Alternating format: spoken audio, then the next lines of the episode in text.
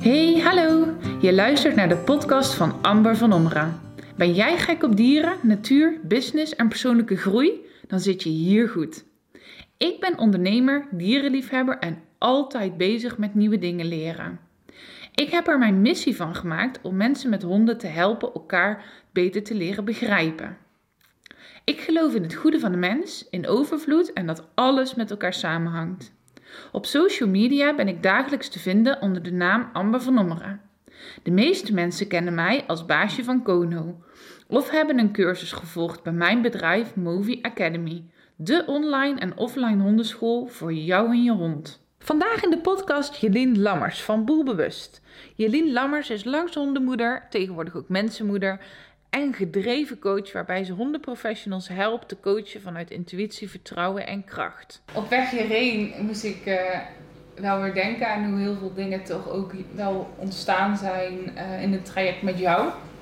De mensen die ik heb ontmoet en ja, hoe bijzonder het is dat ik nu hier uh, de podcast ga opnemen met jou. Dat, dat vind ik dan leuk. Ja, dat vind ik echt heel leuk. Ja. En um, ik wil eigenlijk gewoon beginnen met vertel maar eens wie jij bent en wat je doet. Ja, dan, uh, dan schiet altijd zo meteen zo, uh, oh ja, dan moet je een mooie pitch hebben, maar uh, die heb ik natuurlijk niet. Gelukkig zei je ook, dat hoeft niet voor deze podcast, dus nee. dat is fijn. Um, nou ja, ik ben Jullie Lammers en um, met mijn bedrijf Poolbewust. Eigenlijk is de kern um, wel dat ik help om mensen die zichzelf een beetje kwijtgeraakt te zijn, die zichzelf kwijtgeraakt zijn, weer ja, terug te brengen bij echt hunzelf. En dat kan zijn dus hè, de hondenprofessionals, um, van hey, hoe wil ik nou precies ondernemen, wat past er nou bij mij. Maar het kan ook in je persoonlijk leven zijn. En vaak, de grap is dus juist dat het altijd samenhangt. Het is nooit, uh, eigenlijk nooit het een of het ander. Mm-hmm. Um, dus dat hangt heel erg samen. En ik denk dat ik, um, of ik weet wel zeker dat ik daar juist in begeleid, omdat dat natuurlijk een proces is wat ik zelf ook zo goed ken. Ja. Ja. Ja, dat, dat was natuurlijk ook heel vaak bij ons, hè? feest van herkenning uh, op het ja. moment dat ik het traject deed. En jij geeft aan net uh, mensen die zichzelf een beetje kwijt zijn geraakt. Ja. Um, kun je daar iets meer over vertellen? Ja. Um, ik weet hoe het voor mij was, maar ik weet natuurlijk niet um, ja, hoe was het voor jou? Hoe het voor mij was. Om mezelf een beetje kwijt te zijn. Ja, ik ja. wist gewoon helemaal niet welke kant ik uitging met mijn bedrijfsvoering, uh, met alle overload van info, ook uh, op ja. social media. En gewoon alles kwam op me af. Ik wil alles leren. Ik was heel erg hungry naar alle opleidingen. Ja. En um, ja, daar hebben wij denk ik wel ook echt stappen in gemaakt door weer terug te gaan naar jezelf. En een uitspraak um, die me nog heel goed bijstaat, wat jij toen tegen mij gezegd hebt, was alle kennis zit al in jou, punt. Ja. En dat, dat geeft tot op de dag van vandaag nog zoveel rust. Uh, maar ja, ik ben natuurlijk nieuwsgierig. Ik weet hoe mijn proces ja, was. Ja, ik ben benieuwd ja, welke... Ja. Waar, ja, waar, waar, hoe zien die mensen eruit die, niet, die de weg niet meer weten met zichzelf? Ja, dat, ik denk dat het heel erg um, overeenkomt met wat, wat jij natuurlijk zegt. Dus het, het hunkeren naar meer of het moet beter of het gewoon even niet weten uh, wat dan wel. Um, dus dat, dat hunkeren naar van inderdaad de kennis van ik moet nog eerst een opleiding doen voordat ik pas um, iets kan neerzetten. Of ik moet wel eerst er heel veel verstand van hebben. Um, en dan vraag ik altijd, ja, hoe lang duurt het dan? Weet je, hoe oud moet je dan zijn voordat je überhaupt aan de slag gaat ja. of dat je het gaat delen? Ja, dat, dan ben je 110 of zo een keer. Ja. Um, en mensen die zichzelf kwijt zijn geraakt, ja, je, ik denk vooral dat, dat, je, dat mensen het zo goed kunnen voelen. Als ik ook naar mezelf kijk, dan voel ik het in dat het onrustig is, dat ik slecht in mijn vel zit, dat, het, weet je, dat je wat kribbiger wordt. Um, vooral ook dat je opeens merkt dat je in die dualiteit terechtkomt. Dus dat opeens anderen belangrijker zijn of groter zijn of uh, juist slechter. En dat je dus in die strijd terechtkomt van um, jezelf ten opzichte van anderen. En ja, de buitenwereld noem ik dat dan vaak. Ja. En dan uh, verlies je een beetje jezelf. Ja, yes, jij beschrijft nou mooi die dualiteit. Um, hoe, kan je daar iets meer over vertellen? Um, ja, hoe ik de dualiteit uh, zie is, is gewoon heel uh, ja, komen we meteen gaan we het spirituele paadje op. het is wel leuk, dan merk ik altijd, oh ja, oh ja, zo, zo werkt het dus ook bij mij. En het blijft altijd even zo'n Oké, dit ga ik echt uitspreken, want jij, ik ben zo spiritueel, dus Oh, ja. bij deze. Ehm, weet je, al, eh, deze aarde bestaat gewoon echt uit eh, een duale wereld. Dus we hebben dag en nacht, we hebben eh, eh, oost en west, we hebben warm en koud, ehm, boven onder. Ehm, dus aan alles, alles in het leven is eh, gesplitst in, een, eh, in twee delen. Dus het, het duale. En we verlangen altijd zo naar die eenheid. Dus hè, van ik Ja. wil al, me altijd eh, fijn voelen of ik wil eh, altijd vanuit liefde handelen. Ik wil eh, me hè, in balans voelen. Ehm, wat ik tot nu toe zelf heb ontdekt.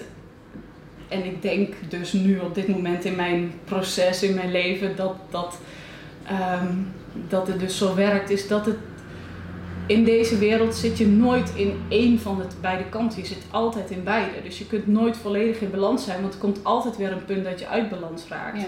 Je kunt nooit alleen maar vol vertrouwen op jezelf, want je gaat altijd weer de onzekerheid in. En dat hoort erbij, want zonder die andere kant herken je die ene kant ook niet. Nee. Weet je, als het altijd dag is, dan weet je niet wat nacht is. Ja. Want dat ken je dan niet, dan is het er niet. Nee.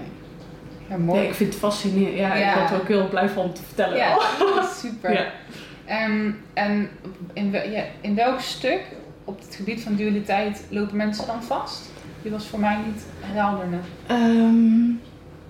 ehm, als je jezelf kwijtraakt, gaat dat heel, heel erg over het thema ehm, bij jezelf zijn. Ehm, of bij de ander. Dus daar, daar zit vaak de verwarring in van dat je of volledig alleen maar bij jezelf kunt zijn. En dan noemen we dat vaak egoïstisch. Of, eh, dus kies je daar niet makkelijk voor. De andere optie is of volledig bij de ander zijn. Dus meebewegen met wat anderen willen of heel veel aanpassen. En ehm, dus daar zit die tweedeling zeg maar weer in. Jeze- jezelf dus verliezen. Ehm, en er is juist nog een derde optie, dat is dat het en en kan. Dus dat is dat je en in contact met jezelf kunt zijn en in verbinding kunt zijn met de ander. En dat is vaak even zoeken Ja. en ontdekken, oh, hoe Ja. dan? Ja, en dan zeg je de ander in de... Alle anderen.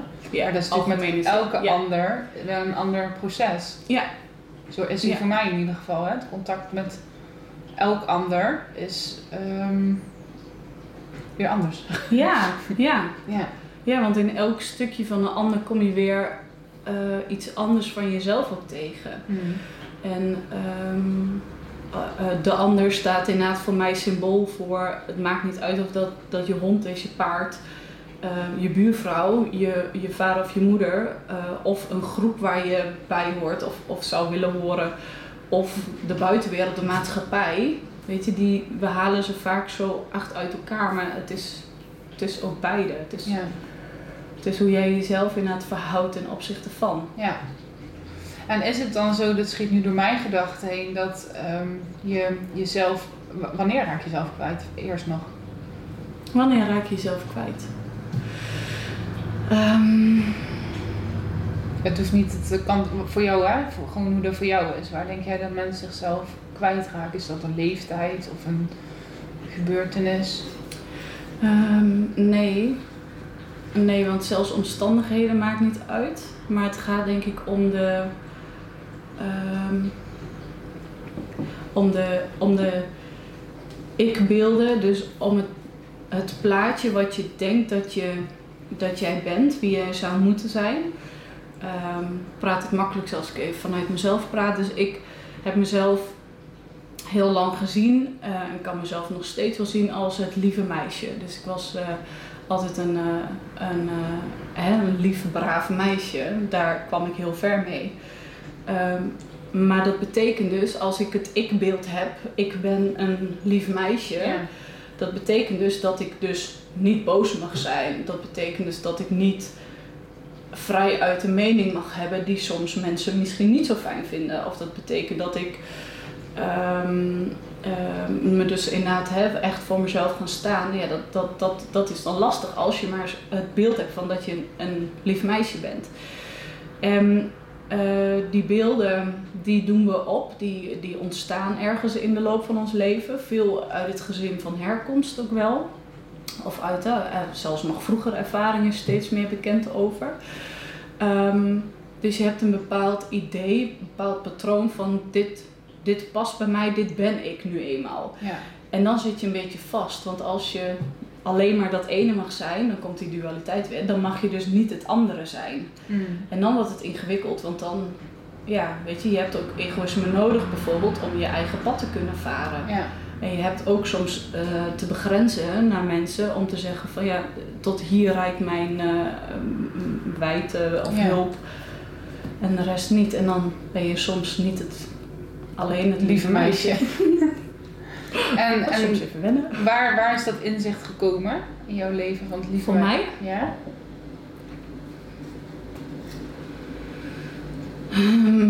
Waar het inzicht is gekomen.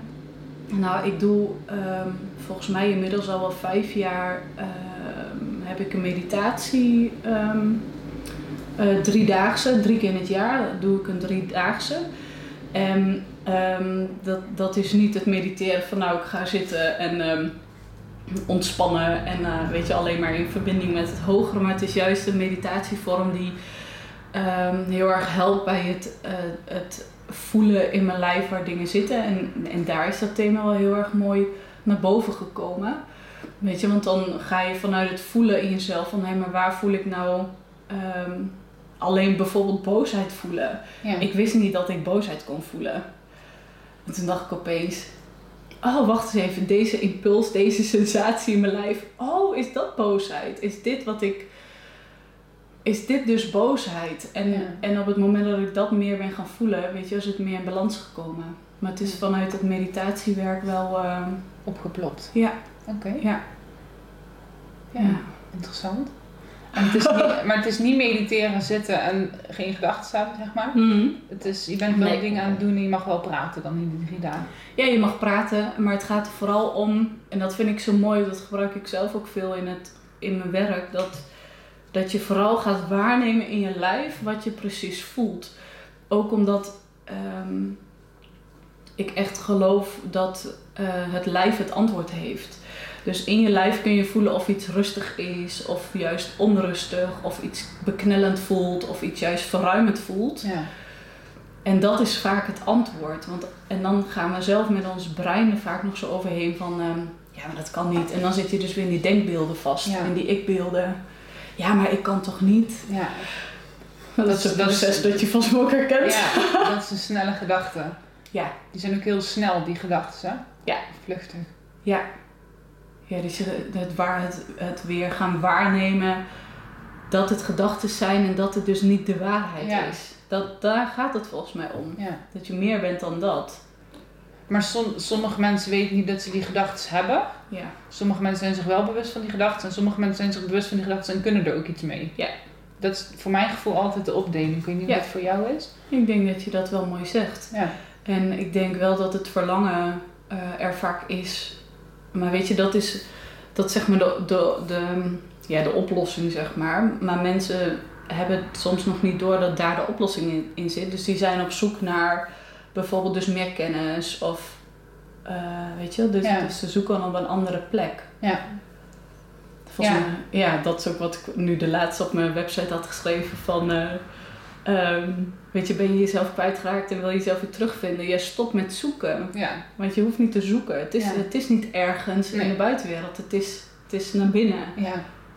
Ja, dat, en dat kan ik nog een mooi op aanvullen.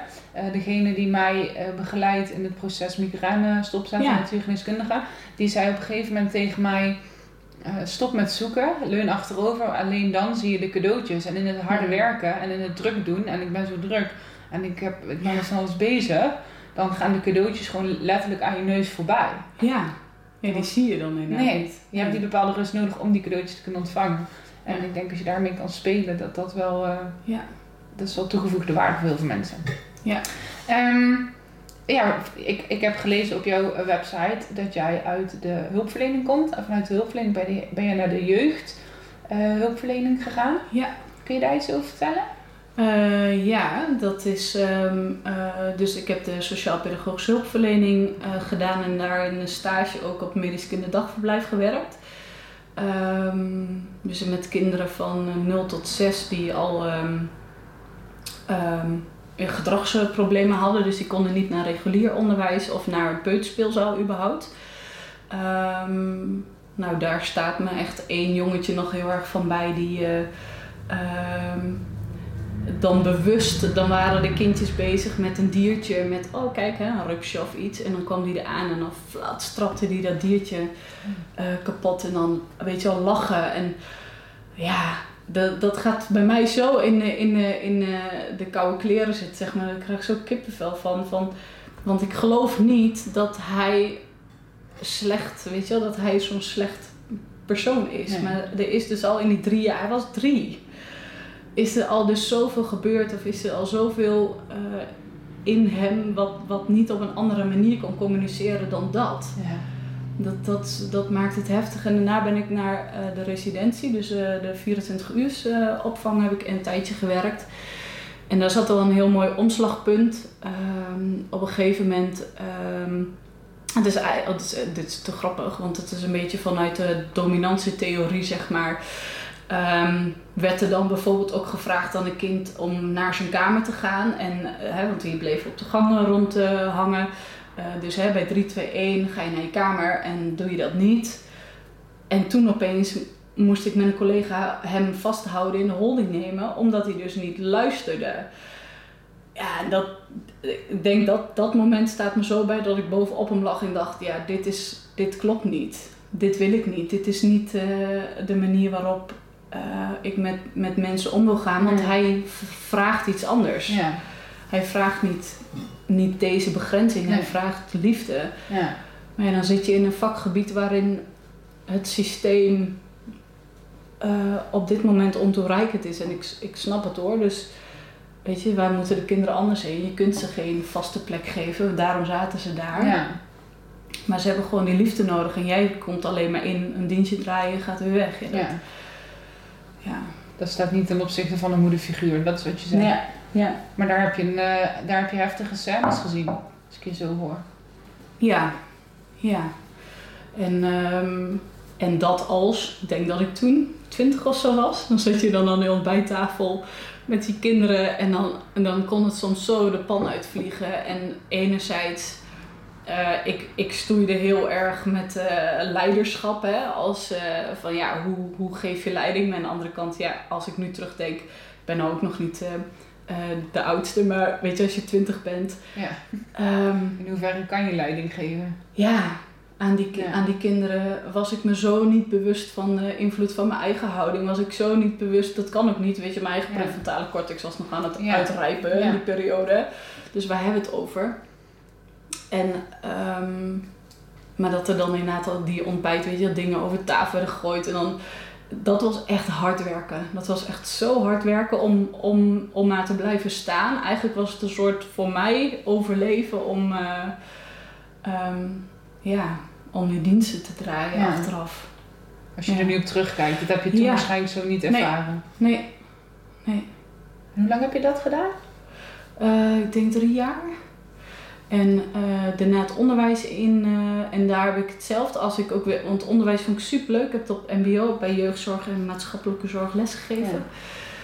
Ja. En um, dus de, dat was dan uh, toen ik 24 of zo was. Super leuk om ook hè, kennis over te dragen met die leerlingen. Van ja, hoe zou je dan zo'n situatie aangaan? En um, de ontwikkelingsfase van kinderen. Heb ik nu veel profijt van nog met, met Loek, ons zoontje. Uh, dat ik denk, oh ja, dat heb ik allemaal uh, geleerd. En, uh, um, maar dat, als ik ook daar heel eerlijk kijk, dan was dat ook heel hard werken voor mij. En dat is waar ik nog steeds natuurlijk in kan schieten met heel veel willen geven en hard werken. En dan, ja. ja.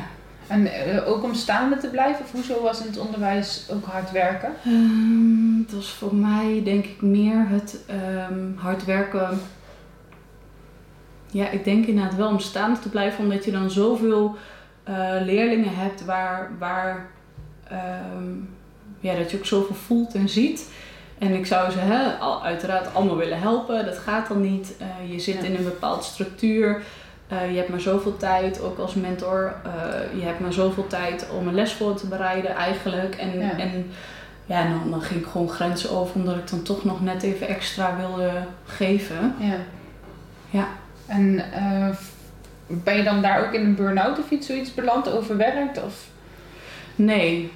Ehm, ik ben, nee, ik ben aan het. eh, ehm, en de, de- hoe het eh, geëindigd is, is dat we gewoon geen vast contract voor me hadden. Dus dat is mijn zegen geweest. Uiteindelijk vroeg ze me wel weer terug, maar toen was ik al bezig met mijn bedrijf op te starten met Boel Bewust. Omdat ik toen ook dacht, ja, wat vind ik echt het allerleukste is toch individueel, dat, dat ik die diepte in kan gaan. Ja. En ehm, ehm, ik heb Mosje ook meegenomen naar de klas toen. Dus dat was een leuke eerste experimentfase van, eh, van mijn bedrijf. Ja. En ehm, eh, ik denk dat dat dus wel een zegen is geweest. Ja. En ik denk dat, dat de ervaring daar, als ik ook nu terugkijk, kan ik dus hè, weer goed voelen in mijn lijf van hoe het toen voelde. Dus kan ik het nu ook makkelijker signaleren. Ja. Waar, waar zit ik? Ben ik inderdaad weer hard aan het werk? Of eh, Ja.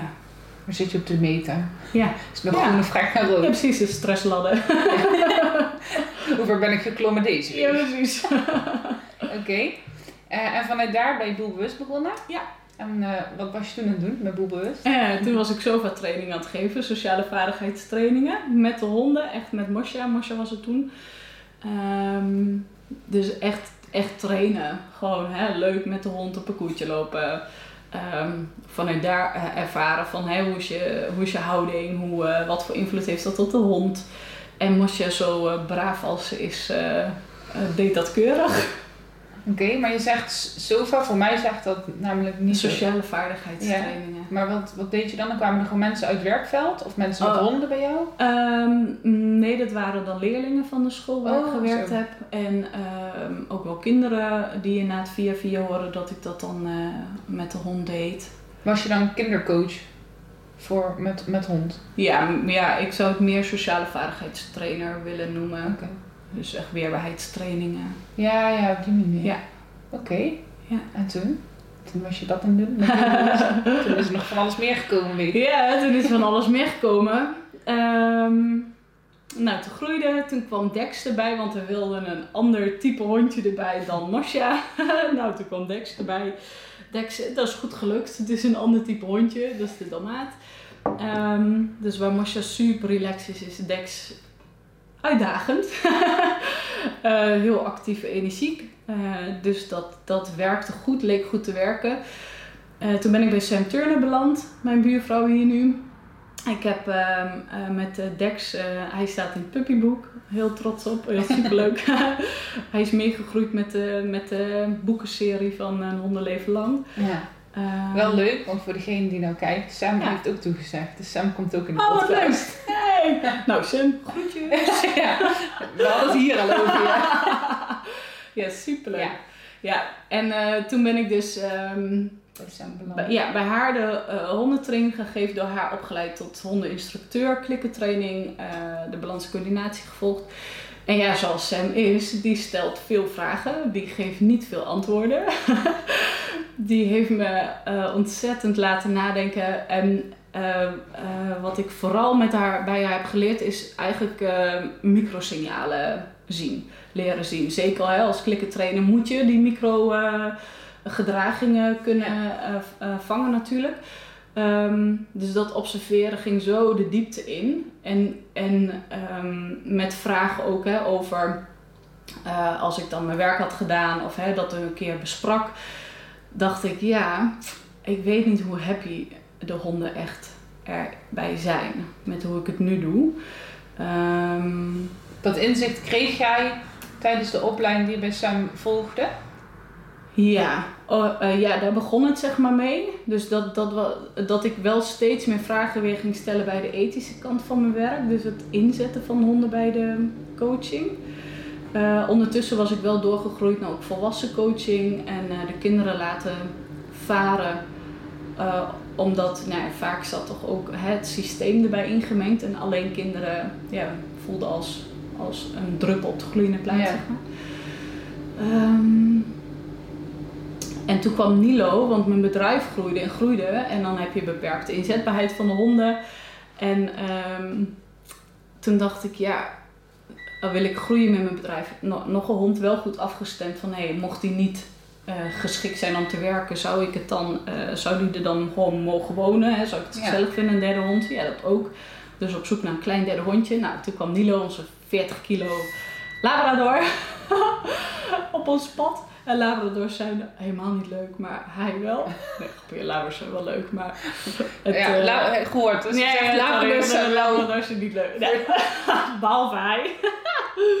nee, ik dacht, dat is toch geen hond voor ons? Nee. Maar hij wel. En het was echt een soort... Uh, achteraf gezien een godsgeschenk, maar op dat moment echt zo ontzettend kut dat... Uh, oh, piep je die weg? Maakt niet uit, hè? Dat, ik hoorde het niet. dat, um, uh, dat alle drie de honden niet meer inzetbaar waren. Dus Masje zat toen met de knieoperaties. Die heeft uh, de knie, hoe heet dat? kniebanden operaties gehad. Dex zat toen in zijn hormoonfase dat hij helemaal van het padje was. en Nilo brak ook nog eens zijn poot. Oh. En toen was ik coach met hond, zonder hond. en toen dacht ik, oké. Okay. Met, met drie honden met zorg, zonder hond. Ja, ja, en dan denk je, hé, oh nee, dan ben ik gedekt. Als ik mijn drie honden heb, dan kan ik mijn bedrijf, uh, dan ben ik gedekt, kan ik altijd met een hond werken. Nou ja, zo werkt het dus niet. En dat was, ja, ik, ja, dat was ook echt maar goed ook, want dat heeft me zo laten voelen van, ja, maar hè, eerst door de hele molen heen van uh, help, nu stort mijn bedrijf in, nu kan ik niks meer, hoe moet dat dan? Ja.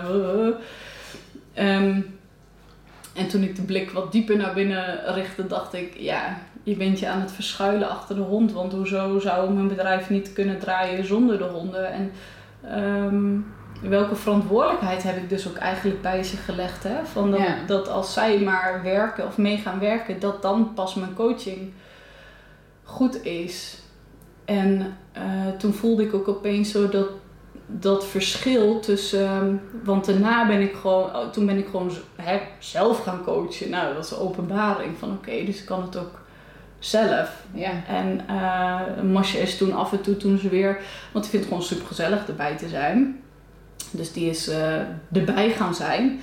En toen merkte ik ook dat op die manier het al heel waardevol kon zijn. Maar dan op een hele andere manier. En dat veel meer vanuit vrijheid. Dat, dat ze ook zelf kon aangeven wat ze eigenlijk wilde. In plaats van dat ik van alles bedacht had met nou nu gaan we hè, dit, deze oefening doen of die oefening. Um, en dat ik vooral dus, dus mijn energie weer terugpakte van hey, het is mijn verantwoordelijkheid. Um, en de hond sluit echt aan. Ja, mooi. En dat was zo mooi. Ja. En hij is zo moeilijk te pakken. Want ik kan hem, ik leg hem dan nu uit en ondertussen denk ik al, ja maar ik weet ook dat er heel veel coaches misschien ook wel hiernaar gaan luisteren. En die denken van ja, dat doe ik ook. Maar dat, en dat dacht ik ook toen ik ja, hij is heel genuanceerd. Hij is heel genuanceerd. Ik herken hem, als ik er misschien een uh, aanvulling op mag geven, van de paarden. Ik doe één keer in de maand opstelling met de paarden en de ezels. Oh, mooi. En daarin um, uh, heb je zeg maar een werkveld letterlijk, een paddock, die open gaat en dan gaan we beginnen. Ja. Maar daaromheen is gewoon de trek. We hebben een paddock paradise, dat is echt zo'n vrijheidsvoedselbos voor paarden. En een weiland. Dus de paarden kunnen gewoon gaan grazen in het weiland, kruiden eten of de takken eten. Maar ze kunnen ook meekomen doen. En dat is echt gaaf. Ja. Maar dan heb je dus letterlijk, ja, ze lopen erin of ze lopen er niet in. Ja. Uh, en soms zie je dan ook dat ze even goed, omdat natuurlijk de trilling, hè, dus het idee steentje in het ja. water, die, dat ze achter in de wei ook gewoon iets aan het aanwijzen ja. zijn. Dus dat, dat vind ik dan een moeilijke. Van oké, okay, dan geven ze die vrijheid, maar die persoon staat hier wel met zijn verhaal ja. um, in uh, jullie uh, veld. Ja. Dus wanneer is dat dan, hè, net zoals dat ik nou in jouw huis zit, is wel, ben ik hier wel aanwezig. Ja. En nou ja, daar heb jij daar best wel aan last ik, heb, ik heb er uh, toestemming voor gegeven. Ja, weet je, maar ik ben in staat om jou uit te nodigen. Om te ja. zeggen, kom maar, weet je. Ja. En ook heel bewust, hè, we zitten nu in de keuken. Um, uh, gevoeld van, hey, is dat oké okay inderdaad voor de podcast? Of ja. is het inderdaad hè, dat bakhuisje waar de coachruimte is? Ja nee, dit, dit voelt goed zo. Ja, maar kan je die nuance, dus ik, ik, voor mij voelt ja. het dus heel helder dat de paarden letterlijk weg kunnen lopen, de afstand kunnen vergroten in de setting waar wij dan um, de coaching doen, de Sims opstelling. Hoe doe jij dat met jouw honden? Dat ze dus kunnen aansluiten. Hoe creëer jij dus de setting niet zo aangeleid rondkomt binnen in Ja. de ruimte en we gaan aan de slag. Hoe doe jij dat? Ja, en die is dus super lastig. Want ehm, als ik de vrijheid zou geven, Mosja is een hondje wat alsnog mee kon doen, ook al gaat ze daarmee haar grenzen over. Want dat is het braafste meisje van de klas. Ja. Iets met dat lieve meisje, spiegel, je snapt hem. Ja. Terwijl Dex, eh, Dex, eh, Dex eh, werkt heel weinig mee, omdat hij dus ook echt, je zou hem wellicht hooggevoelig kunnen labelen. Eh, maar even om een beeld te schetsen. Dus die heeft, als hij een coachie voelt, die voelt van alles, maar die weet gewoon niet wat hij ermee moet. Dus die wordt dan druk, hyper. Ja. Maar die gaat niet uit zichzelf weg. Want er is iets aan de hand. En die voelt ook misschien dan ergens, ja, ik moet hier toch wat mee, maar wat dan? En Milo is, is, die is gewoon, eh, daar, daar kan ik zelf ook gewoon een voorbeeld aan nemen van hoe je überhaupt in een coachsessie kunt zijn. Want hij is. Ja. Hij, hij, dat gaat echt over zijn. Ja. Hij is aanwezig, hij ligt nu ook hier onder tafel te slapen, want zijn been trilt voor het, eh, vanuit slapen. Ehm, en, die ga, en hij gaat, eh, dus hij ligt erbij en dan eh, doe ik bijvoorbeeld een opstelling met matjes. En dan kan hij opeens overeind komen en ergens naartoe lopen, gaan liggen of een zucht slaken of even, weet je wel, dat hij gaat rollen. En, ehm, dus qua basis ehm, denk ik dus nu, hè, het is ook maar beperkt inzicht voor wat ik tot nu toe heb. Ja. Ehm, ik ben me bewust van eh, de, hoe heet dat? De groei. Dat Ja, ik misschien ja. straks weer denk, nou, die luister ik die podcast terug over een paar jaar. Denk ik, Jezus, lief, nog, wat heb je dan, wat heb je daar verteld? doen we gewoon nog een keer. Ja, is superleuk. Het zal echt leuk zijn. Dat moeten we doen. Ja, ik heb gezegd, eerste jaar allemaal andere mensen en het tweede jaar mag Ja. herhalen van mezelf. Maar niet dat ik volgende week weer hier zit. Ja, dus dat is leuk zijn. we weten nu hoe die opstelling moet. Ja, ongeveer. Ja.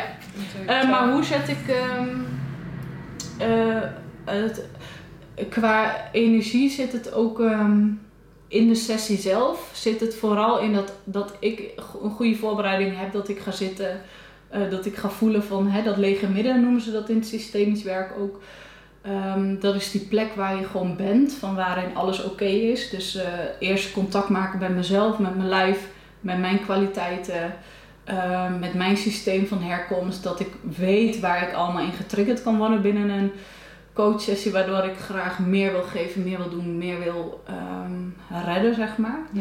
En als ik dat voel en allemaal laat zijn, dan kom ik in zo'n lege plek terecht, het lege midden. Hmm. En, en dan is er vrijheid, maar dan is er ook ruimte voor de hond om niet dus een stukje van mij op te vullen. Ja. Dan steek je hem anders in. Die nuance is inderdaad heel klein. Hij is heel klein. Ja. En Wat zou je daarin huidige eh hondencoaches mee willen geven? Is dat het mm, punt? Ehm. Weet je, want het, het is ook niet. Ik wil. ehm, ik wil ook zo graag uit het goed of fout eh, verhaal blijven. Omdat, weet je, ik, ik heb het zelf ook zo ervaren met de honden. En ik neem het mezelf ook niet kwalijk. En ik, weet je, bijvoorbeeld het boek, komen straks vast nog op, eh, was anders ook niet ontstaan. Dus het heeft ook heel veel gegeven. Ja. Maar ik denk dat ik, wat ik mee wil geven is ehm, blijf nieuwsgierig naar vanuit ja. ehm, wat gebeurt er nu echt. En ik weet hoe spannend het is om soms verder te kijken, omdat je dan. Ik voel het altijd als een soort, ja, maar als ik dat ga toegeven aan mezelf, dan stort mijn wereld in. Dus het, of als ik dat echt ga voelen in mezelf, dan denk ik nee, dat is te spannend. Maar juist de grap is dat als je het wel toestaat om het te voelen en te onderzoeken, dan is het maar een klein nuanceverschil. Ja. En dan ben je er alweer op een andere manier. ja. En ik zou zeggen, kom een coachsessie bij mij doen. Ja, dat kan Van de altijd. titel. Popbewust.nl Nee, zeker. Dat is zeker zo. Als je teruggaat naar, ehm net zei je, ik heb de instructeursopleiding met Sam gedaan, de klikkertraining met Sam gedaan. Eh, en daar kwam ik ook al tot inzicht. In ieder geval zo begreep ik hem. Ja. Ehm, welke inzicht heb je daar mogen ontvangen? Ehm, ja, bij, ik wou bijna zeggen wat niet. Over honden. Ehm, het rijke emotionele eh, leven van honden. Ik, uh, voor mij staat Sam ook echt in het rijtje Jane Goodall, Frans de Waal, Sam Turner in, in het vertellen en, en hè, de emotionele belevingswereld van honden ehm, ja, meer in beeld hebben. Ja. Ehm, heel erg de invloed van jezelf als, als handler. Van wat, wat, wat voor invloed daar allemaal wel niet zit. En ik denk met name waar we als vakgroep coaches met hond soms. Um,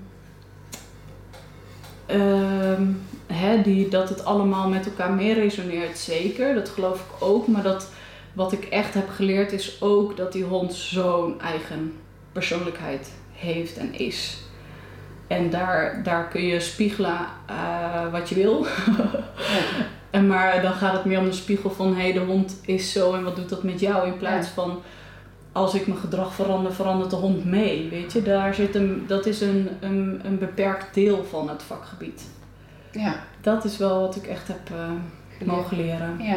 ja. Want je had daar ook over die microsignalen. Ja. En um, is het dan ook dat je als instructeur dacht, wat zijn we hier met die honden dan aan doen? Moet ik hem ook zo uh, insteken? Dat, dat hondentraining überhaupt voor honden wellicht niet altijd even tof is? Of bedoelde je hem zo niet? Nam, nee. jij, nam jij die microsignalen mee naar hier in je coaching? Zo moet ik hem Ja, en wat ik juist leuk vond van het lesgeven is dat ik die microsignalen kon laten zien aan de mensen. Dat ze het zelf leren van, hey, zag je nu dat hij net dat wenkbrauwtje, dat hij net zo keek naar die andere hond en toen opeens ging snuffelen. Ehm, eh, en dat mensen zich bewust werden van, oh, oh dus mijn hond vertelt met alleen al die beweging, vertelt hem al heel veel. Ja. Dat vond ik zo ontzettend leuk. En hoe, want de hond laat het altijd al zien. Jij, op het moment dat het dan door jou of door iemand benoemd wordt, gaat een eigenaar um, het wellicht ook zelf zien. Ja. Hoe, waar, hoe komt het dat we het daarvoor niet zelf zien? Want we hebben ogen, de hond doet het, dus alle voorwaarden zijn er. Ja, nou, ik denk, um, het, is een, het is echt een vak. Je, je, uh, zoals wij ook een, letterlijk een taal leren. En ik ben nog steeds niet goed in het Nederlands met deetjes en teetjes. Dus die microsignalen van het Nederlands heb ik nog steeds niet onder de knie. Um, um, is dat ook met, weet je, en als je nu eraan denkt dat je, dat je dus echt een, een nieuwe taal zou moeten leren, ja, je, in eerste instantie hoor je de grote, de grove woorden en dan daarna pas krijg je de fine-tuning en daarna pas veel later kun je een keer emotioneel ook uitdrukken in een andere taal. Ja. En daarvoor is het nog uh, steenkolen Engels of... Uh, ja. Dus ik denk dat dat het is. En um, um, we zijn nog bezig met die mooie omslag dat er dus ook een heel rijk, rijke persoonlijkheid. Uh, nee, dat, ik moet anders zeggen dat dieren dus een rijke persoonlijkheid hebben. Ja. In plaats van dat het een hond is. Ja. Of, dat is wel een leuk stapje naar jouw honden misschien met die rijke persoonlijkheid. Misschien ja. uh, kun je deze persoonlijkheden dan eens uh, voorstellen? Jazeker. Um, nou, hier onder mijn hond, of onder, onder Onder de grond. Onder de grond. Hier onder de grond. Ja, dat duurt nog 80 jaar, hebben ze me beloofd. Oh, ja. nee, onder mijn voet op de grond ligt Nilo. Uh, die voeg je zo uh, straks in, hè? Mooi ja. fotootje. Uh, Nilo is ehm, drie. is een, komt vanuit een, een gezin. Hij was tien maanden toen hij bij ons kwam. Um, bijna, nee, hij is dus bijna vier al, denk ik. Volgens mij, ja. Jeetje. Oh, time flies. Um, oh shit, hoe oud ben ik dan? nee, maar daar... Zo ging die aan je hoofd. Ja, zo ging die ook echt. dus um, uh, drie zomers geleden, uh, toen kwam hij hier uh, ook logeren als proef. het gezin had te weinig tijd voor, voor hem, omdat de diensten waren gewijzigd ook zo'n leuk leerproces voor mij. Want in eerste instantie, hè, vanuit uh, zeker de hondenwereld en, en hoe hard je hebt voor honden, van ja, hoe kunnen ze er dan voor kiezen om een hond te nemen? Want uh, hè, um, je weet hoeveel tijd dat in beslag gaat nemen. En ze doen hem zo makkelijk weg, hè, wat ook vaak zo snel gezegd over herplaatsers. En ik heb zo mooi bij dit gezin mogen leren dat het echt niet over één nacht ijs gaat. En dat het zo, ehm, nou ja, naar omstandigheden gewoon, eh, weet je, even gewoon geen goede match was. En ik heb ook het, het hartverscheurende gezien van dat dus de kinderen ook afscheid moesten nemen van hem. En, oh, heel pijnlijk. Ja, heel pijnlijk. Ja. En, ehm, en dus hoe mooi het is dat hij, dat hij dan hier een plekje mocht eh, krijgen. Ja. En um, nou ja, als ik hem verder omschrijf, is die zeker vanuit toen was hij vrij echt op zichzelf. En hij begint nu bijvoorbeeld ook echt kusjes te geven. Of gisteren lag ik op de bank en opeens komt hij er aan en dan hey, even zo'n lik. Dat ik denk, hé hey, wat leuk dat hij zo ook echt dit, Ja. dat contact um, Dus als je dan terug gaat aan het begin van de podcast, hè, egoïst is of heel erg naar de ander. Ja. Dan zie ik heel erg de zorgende Ja. en de egoïst even heel erg gechangeerd. Ja. Eh, was hij heel erg egoïstisch. En dat is hij nog steeds. Soms eh, buiten de, het erf zeker is hij echt gewoon eh, into eh, la, de wereld en zijn pad en zijn koers. dus dat vergt stevig staan van mezelf. Dus dan hè, moet ik ook wat meer dat egoïsme inzetten. Nee, dit is wat ik wil. Ja. En ik blijf staan en ik laat me niet letterlijk meesleuren. Dus dat is wel heel tof om met hem te ontdekken. Ja. En het is verder, eh, zeker ook met Loek, eh, Loek, ons zoontje, is het gewoon een nanny. Hij is gewoon, eh, weet je, dan huilt hij en dan staat Nilo, zo, kan ik helpen? is er iets? Moet er wat? Ja, super schattig. ja. Ja. Oké. Dat was Nilo. Oh ja, dat was Nilo, want uh, er nog twee. Ja, even doorwerken. Hebben we er nog één? nee, niet hier. Ehm Mosja is nou, onze eerste hondje, een Stafford kruising. Eh, nou, hier komt eh, de beroemde bekentenis over haar van Marktplaats. Uit de varkenschuur, omdat ze zo mooi was. Ja. Laten we zeggen dat ik toen nog niet zoveel wist over honden. En ik het, ja, ik zou het nu anders kiezen. Ehm, is een, eh, een, een meisje wat het, ehm, nou acht al inmiddels, dus dame. Ehm, heel zacht. Super sociaal nog steeds. Al moet ik zeggen dat ik wel, omdat ze natuurlijk een hoog risicohond is, eh, ook altijd wel eh, er zorgvuldig mee ben dat ze niet in die situaties komt. Ja. Ehm, ja, en Mosje heeft me gewoon ontzettend geleerd om eh, ehm, echt naar mijn hart te luisteren. Weet je, zij, zij komt ook gewoon binnen. Ze heeft zo'n blik dat als, als mensen haar soms aankijken, echt zo, wow, weet je, die komt binnen. Oude ziel, Ja. dat is echt. En ehm, Dex, de Dalmatiër, is eh, vijf. En ehm, nou, hij is eh, wit met zwarte stipjes. En ik moet ook wel zeggen dat onze relatie een beetje wit-zwart is. Of ik ben echt eh, helemaal in love met hem, omdat hij zo grappig is en, en eh, gekke doet. En eh, ehm, hij, is zo, hij heeft ook zo'n zachte, zorgende kant. Of ik kan hem echt achter het behang plakken. Dan ben ik zo klaar met hem, denk ik echt. Dus hij, hij, ehm, hij prikt op eh, Bepaalde eh, punten. punten bij mij. Zitten de punten weer. ja, die kun ik dan ook weer even mooi ontdekken. En ehm, ja, hij is super gevoelig. En het is, eh, ja, weet je, hij is echt in zijn element als we samen gaan uh, de- ik hoop dus ook dat ik dat heel gauw weer kan oppakken met hem. Want dan loopt hij echt voor me in een, in een ehm, ook echt in de flow. En dan alsof hij dan zo zegt, kom maar, ik eh, leid je de weg wel. Doe eh." maar even. Ja, super schattig. Leuk. Ja. Oké. En je hebt al een paar keer het over Loek gehad. En ik Ja. ik weet niet of je dat leuk vindt om eh, eh, wat over te delen. Je hebt natuurlijk het een en ander ook op Facebook toen gedeeld tijdens je zwangerschap en zo. ja. Hoe, wil je iets delen over hoe je dat hebt ervaren? De zwangerschap, mijn werk of wat, wat De van zou je... Ehm, Zeg maar je zwangerschap als, onder, als Jolien en als ondernemer en Er zitten heel veel aspecten aan hoor. Oh, jij. Ehm, ik heb de zwangerschap ehm, ja, heel ehm, ja, super bijzonder ervaren. Ehm, super menselijk ervaren. Dat is echt een betere benaming. Want het is keer op keer. Eh, ik denk dat dat weer zo'n eh, proces is. En nu ook als moeder. Dat ik zo bewust word van het beeld van de maatschappij. Maar ook van het beeld wat ik zelf van dingen heb. Dus van zwanger zijn of moeder worden. Ehm, En dat ik dan dus ga voelen van, ja, maar hoe is het dan voor mij? En dat ik dan op een heel ander beeld uitkom. En dat gaat bijvoorbeeld over, in mijn zwangerschap, dan zegt iedereen ook, oh heerlijk om de baby te voelen in je buik. En ik dacht aan het begin echt, nee, want, want hij, weet je, hij schopte dan ook zo lekker tegen mijn baarmoedermond aan. Dus dat voelde al niet fijn. En dan zit er soms iets te friemelen in je buik, terwijl je dan ergens misschien wil concentreren. En ik dacht, nee, dat voelt helemaal niet fijn. En dan heel mooi om dat conflict dan zo te, te zien van... Oké, ja, maar ik moet toch, hè, want anders de hechting is uh, slecht. En ik moet toch alleen maar liefde en licht en uh, positiviteit sturen naar mijn baby. Uh, wat echt heel veel gezegd wordt. Van nee, anders dan schaadt je hem. En toen dacht ik echt, ja, maar volgens mij is dit niet hoe het werkt. Volgens mij werkt het meer vanuit... Als ik er alles mag laten zijn. Dus dat ik ook voel dat ik dingen moeilijk vind of ongemakkelijk vind. Of...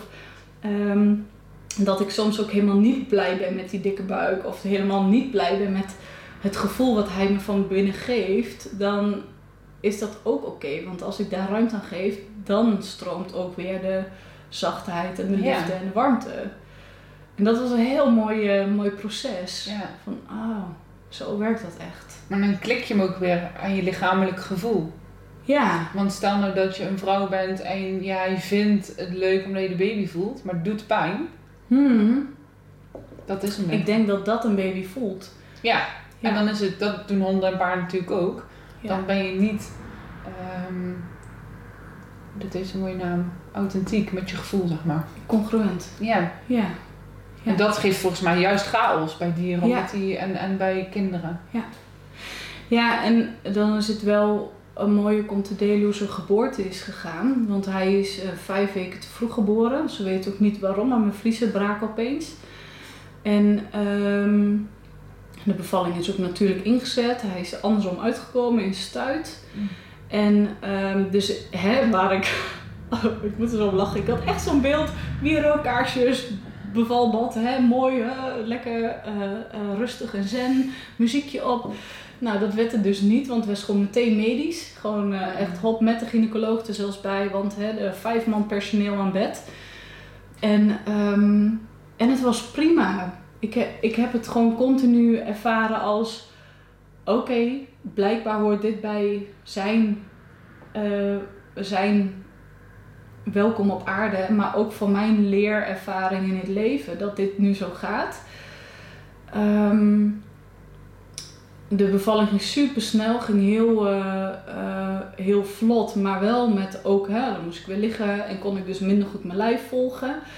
Um, het is heel kritiek geweest ook. Hij heeft, je hebt zeg maar APGAR-scores over hoe vitaal een baby is en dat gaat van 0 tot 10. Nou, hij scoorde een 2, dus dan kun je een beetje nagaan hoe slap hij ook was en blauw. En, dus het was heel lichamelijk en fysiek heel heftig. Ja. Um, hè, in de couveuse, medisch onderzoek. Ik heb hem de eerste vier uur niet gezien. En echt gelukkig was Richard erbij. Maar ook mijn gevoel was continu... Oh, maar Richard is erbij. Ik heb de overleden opa's ingevlogen als engelen, zeg maar. Van willen jullie hem beschermen? Um, ik wil het ook wel echt wel graag om dit te vertellen. Hmm. En wat, zo, wat ik zo mooi eraan vind, is dat het gevoel was continu gewoon echt oké. Ik heb echt gewoon het het vertrouwen gehad dat het goed zou komen. En ik heb het echte ervaring en het idee nu dat, dat dat het allerbelangrijkste was. Weet je, vanuit de boekjes kan ik zo vinken van, uh, hè, oh trauma, trauma, trauma. Maar omdat het zo energetisch zo kloppend was en zo mm. vol liefde, uh, is het, dat sterkt me ontzettend in van ja, daar gaat het over. Ja. Het gaat over dat het, dat het hier, zeg maar, gewoon echt klopt. In plaats van in onze ja. beelden weer. En dat, die denkbeelden. Ja. ja. Maar dit is ook weer tweeledig. Hè? Hierin heb jij iets nodig gehad of iets moeten leren. Ja. En zoals jij net zei, voelde die voor mij, of klonk die voor mij als: dit is Luke's les al meteen. Ja. Voor hier op aarde te komen. Die koppel jij in die zin een beetje, ja, je doet het samen, maar die heb jij daar onderscheid in gemaakt ter plekke al. Ja, ja weet je, het zal wel heel, uh, heel wat vragen van mij als, als ik invloed zal hebben op wat hij in het leven te leren heeft, zeg maar. Ja. Volgens mij kan dat niet. Ja. He, hebben we daar af te blijven. En is dat ook, uh, is dat ook... hij gaat aan de wandel. Ja. Ehm hey, moest je dan geen burpees doen? Ja, burpees. Blurpees. Blurpjes. Blurpjes doen wij. Die ik erin. Die erin. En verder. En verder. Ehm, de, de, voor mij koppelt dat ook heel mooi aan hoe, hoe we soms met ons dier zo'n schuldgevoel kunnen hebben van dat we een dier wat hebben aangedaan, hè, met slipketting getraind of een correctie hebben gegeven. Ehm, maar, en we willen juist vanuit zo'n gelijkwaardigheid naar ons dier kijken, terwijl vanuit dat schuldgevoel zit er al meteen een soort superioriteit in, dat jij zou invloed zou kunnen hebben op Ja. wat je dier te leren heeft. Ja. En soms ben je gewoon onderdeel ervan. En, en is dat het? En je was zelf niet op dat moment, weet je, praktisch in, met mijn bevalling. Ik, ik heb het niet anders kunnen regelen dan, hè, dat waterbad was, zat gewoon niet in. Punt. Nee. Ehm, en in die periode van de slipketting, Mos is ook met een slipketting eh, groot geworden. Ehm, het zat er niet in. Nee. Weet je wel? Niet in mijn hoofd en mijn, mijn Mm. ervaring en kennis toen. Ja.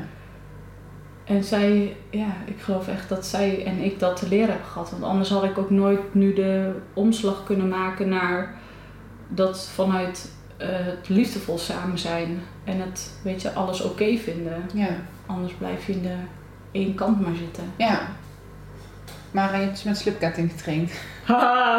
ja. Nou, de cliffhanger. Zij heeft... Jazeker. Ik was Cici Milan fan. Ja. Ja. Ja, wie niet? Ja. Als meisje. Ja. Dat is En, gewoon- en nog, wat, wat zijn wij daar dan weer iets van te vinden ook, hè? Nog steeds. Ja. Ja. Ja, ik... By the way. Misschien nodig ik hem wel uit. Hij kan supergoed mensen trainen. Ja, zeker. Dus weet je, dat Natuurlijk, is... hij doet dus genoeg wat hij goed doet. Dan anders dan word je niet zo groot. Ja. Laat het wel wezen. ja. Maar goed, geen reclameplaatje daarover. Wat? Het gaat ook boelbewust. Ehm wil jij meer vertellen over het mooie boek wat je, wat je hier hebt liggen? En wanneer zeker. dat eh, is ontstaan en eh, ja, Ja. een verhaaltje erbij. Ehm, het eh, boekje eh Mosja... eh, moet ik hem even goed... eh, Daar. tadada, voor de reclame. Mosja, het hondje dat weer kleur kreeg. Ehm, nou, is een liefdespiegelverhaal over het krijgen van zelfvertrouwen van Mosja. Kijk, de mooie tekening. Kijk, dat is ook Dex. Tada, daar is Dex. Ze zijn gemaakt door Lisbeth Pietersen, mijn ehm, eh, hier in Drempt een buurvrouw. Andere buurvrouw. Alleen maar leuke buurvrouwen hier. Ja. Ursula ook al. Ja. Ehm, ik heb een jongetje begeleid dat eh, epilepsie eh, eh, heeft. En hij was toen een tijd zeven jaar. Ehm, hij is inmiddels volgens mij al tien of zelfs al elf. Dus dat is een tijdje geleden. Ehm, met Masha ook samen om hem nou ja, ook, ehm, te helpen. Hè, van nou, eh, op welke manier kun je je uiten, eh, gevoel ook te uiten. Ik kan me zo goed voorstellen dat als je lijf soms gewoon oud gaat, Ja. dat je je dan ook super onveilig voelt. Ja. Want we hebben het met dit lijf te doen en als die het niet doet, dan, ja, dan snap ik dat er gewoon geen weinig veiligheid is. Dus ehm, ik heb bijvoorbeeld met hem gewerkt met emotieballetjes. En eh, de eerste keer eh, snuffelspel, muffinspel met voetjes erin. En dan balletjes erop en die balletjes hadden dan een emotie. Dus rood was boos en blauw verdrietig. En ehm, de eerste keer kon ik echt absoluut niks met hem eh, daarover hebben. Dan sloeg hij meteen dicht. Eh, dus was het gewoon samen met hond snuffelen. Punt. En de tweede keer was het al hè, van, ehm, dat hij al een beetje zo keek. Ah, en dan legde hij de balletjes neer. En de derde keer legde hij het al wat bewuster neer met welke kleuren. En op een gegeven moment kon ik eh, een beetje zeggen van... Goh ja, Mosja die voelde zich vandaag een beetje verdrietig. Want eh, nou, dit en dit was er gebeurd. En dan zag je hem ook zo, oké. En uiteindelijk is hij op die manier zo langzamerhand ehm, toch ook meer gaan delen over zijn emoties. Dus een heel leuk contact met hem. En met, ehm, met de ouders. En ik zat terug op een gegeven moment en toen dacht ik, hoe mooi is het? Ehm, oh nee, andere anekdote nog tussendoor. Ik zat met die moeder te kletsen over hoe Mosja dus ook zo veranderd is. Hè? Want ze is dus via de correctiemethode, dominantie zeg maar, ehm, opgevoed. Ja. toen uh, bij Sam ook hè, juist de, de crossover. We zijn typische crossover hondje en, en, en, en begeleider. dus zij kwam weer um, tot, ondo, ja, tot eigen initiatief. En dus op, het, op een gegeven moment jatte zij, terwijl ik zo een koekje zat te eten, jatte zij het koekje uit mijn hand. En ik ging dus juichen, want ik dacht, yes, ze toont weer eigen initiatief. Dat ze inmiddels gewoon op tafel staat onze borden af te likken, dat knip je eruit. Echt niet? Ja. maar goed. Dus dan slaat het klaar zijn. door. en ja, of als we tussendoor weglopen, nou ja, self-control. Ja, in, ieder, in ieder geval. Ze had weer initiatief. Dus ik vertelde dat. Kijk, het is leuk hoe, hè, hoe ze weer initiatief heeft. En die moeder vertelde van hoe hij, dat jongetje, dat dus ook had gedaan. Dus die had opeens, uh, die moeder was iets lekkers aan het eten en hij had gezegd, mam kijk daar eens. En toen, weet je wel. Ze had het over hoe mooi dat is dat dan, dat, dat ook zelfvertrouwen is en initiatief geeft. En dat je gewoon dingen durft te doen zonder bang bent dat er iemand uh, boos wordt of dat je op je kop krijgt. Of, uh, ja, fantastisch. Dus ik, ik was van het denken in de auto terug van hoe mooi is het om een verhaaltje te maken over Mosja. Uh, waar hij zich ook aan kan spiegelen. En uh, weet je, dat dat gewoon nog echt in beeld gebracht wordt. Ja. En toen had ik een durfde vragen op Facebook gezet. Wie, wie wilde tekeningen maken? Ik heb een ideetje. Lisbeth die reageerde. Um, van nou, ik zou dat wel willen. En toen zijn we een super tof proces ingegaan. Want uh, Lisbeth is hier gekomen. Ze heeft een aantal tekeningen gemaakt. Ik had steeds een beetje globaal beeld van wat ik ermee wilde. Maar niet heel concreet. En ze had een aantal tekeningen gemaakt en op een gegeven moment die leggen we zo naast elkaar. Ik zei, ja, dit is het verhaal, weet je. Het eerste is um, afgescheiden, hè, vindt ze de buitenwereld ook spannend. En dan ontmoet ze Dex. Het samen spelen, maar ook die ontmoetingen zijn spannend. Dus je ziet haar, haar verstijving erin en het, en het, het wantrouwen van, hè, nou, waar we het straks ook over hadden, bij jezelf blijven, bij de ander zijn. Hoe, hoe, hoe dan, weet je wel. Je ziet dat heel mooi terug in het boekje. Um, tot ze dus uiteindelijk gewoon uh, met kleur uh, vrij de wereld weer in kan. Ja. En um, de coachhandleiding erbij geschreven, want het is, het is ook zo simpel. En die simpelheid van het verhaaltje is zo krachtig. Um, tot ik realiseerde van ja, ik zie die mogelijkheden van hoe je het kunt voorlezen allemaal. Ja. Dus die heb ik erbij gedaan in de coachhandleiding. Welke vragen kun je stellen? Ja. Hoe kun je dit gebruiken met kinderen? En het hele bijzondere vind ik dat eigenlijk het boek. Uh, toen heb ik de opleiding systemisch werk gedaan bij Annelies Verlon. En, um, en opeens zag ik op de systemische laag zoveel herkenning van wat daar eigenlijk. En toen was het boek al af? Ja, die was al lang af. De herdruk was er al. Dus. Uh, en toen ja. je tot dat inzicht. Ja, toen dacht ik wat tof. Oké. Gewoon hoe. hoe um, ja, hoe, weet je, je hebt dan inderdaad iets gecreëerd wat dus op zoveel lagen kloppend is. Je hebt je eigen cadeautje gecreëerd. Ja. En hij lag er al die tijd al. Ja. En, en dat is dus zo tof, want, want ik heb hem dus nu ook uitgewerkt in het, in het spiegelpakket. Uh, sorry weer voor reclamebalkje, maar dat vind ik zo tof, omdat het zo'n simpel verhaal laat gewoon zo zien van waarom we uh, onszelf soms zo kwijtraken. Ja. En um, uh, waar, die, waar dat zo in kan zitten. En, en, en uh, dat geeft zoveel helderheid. Ja.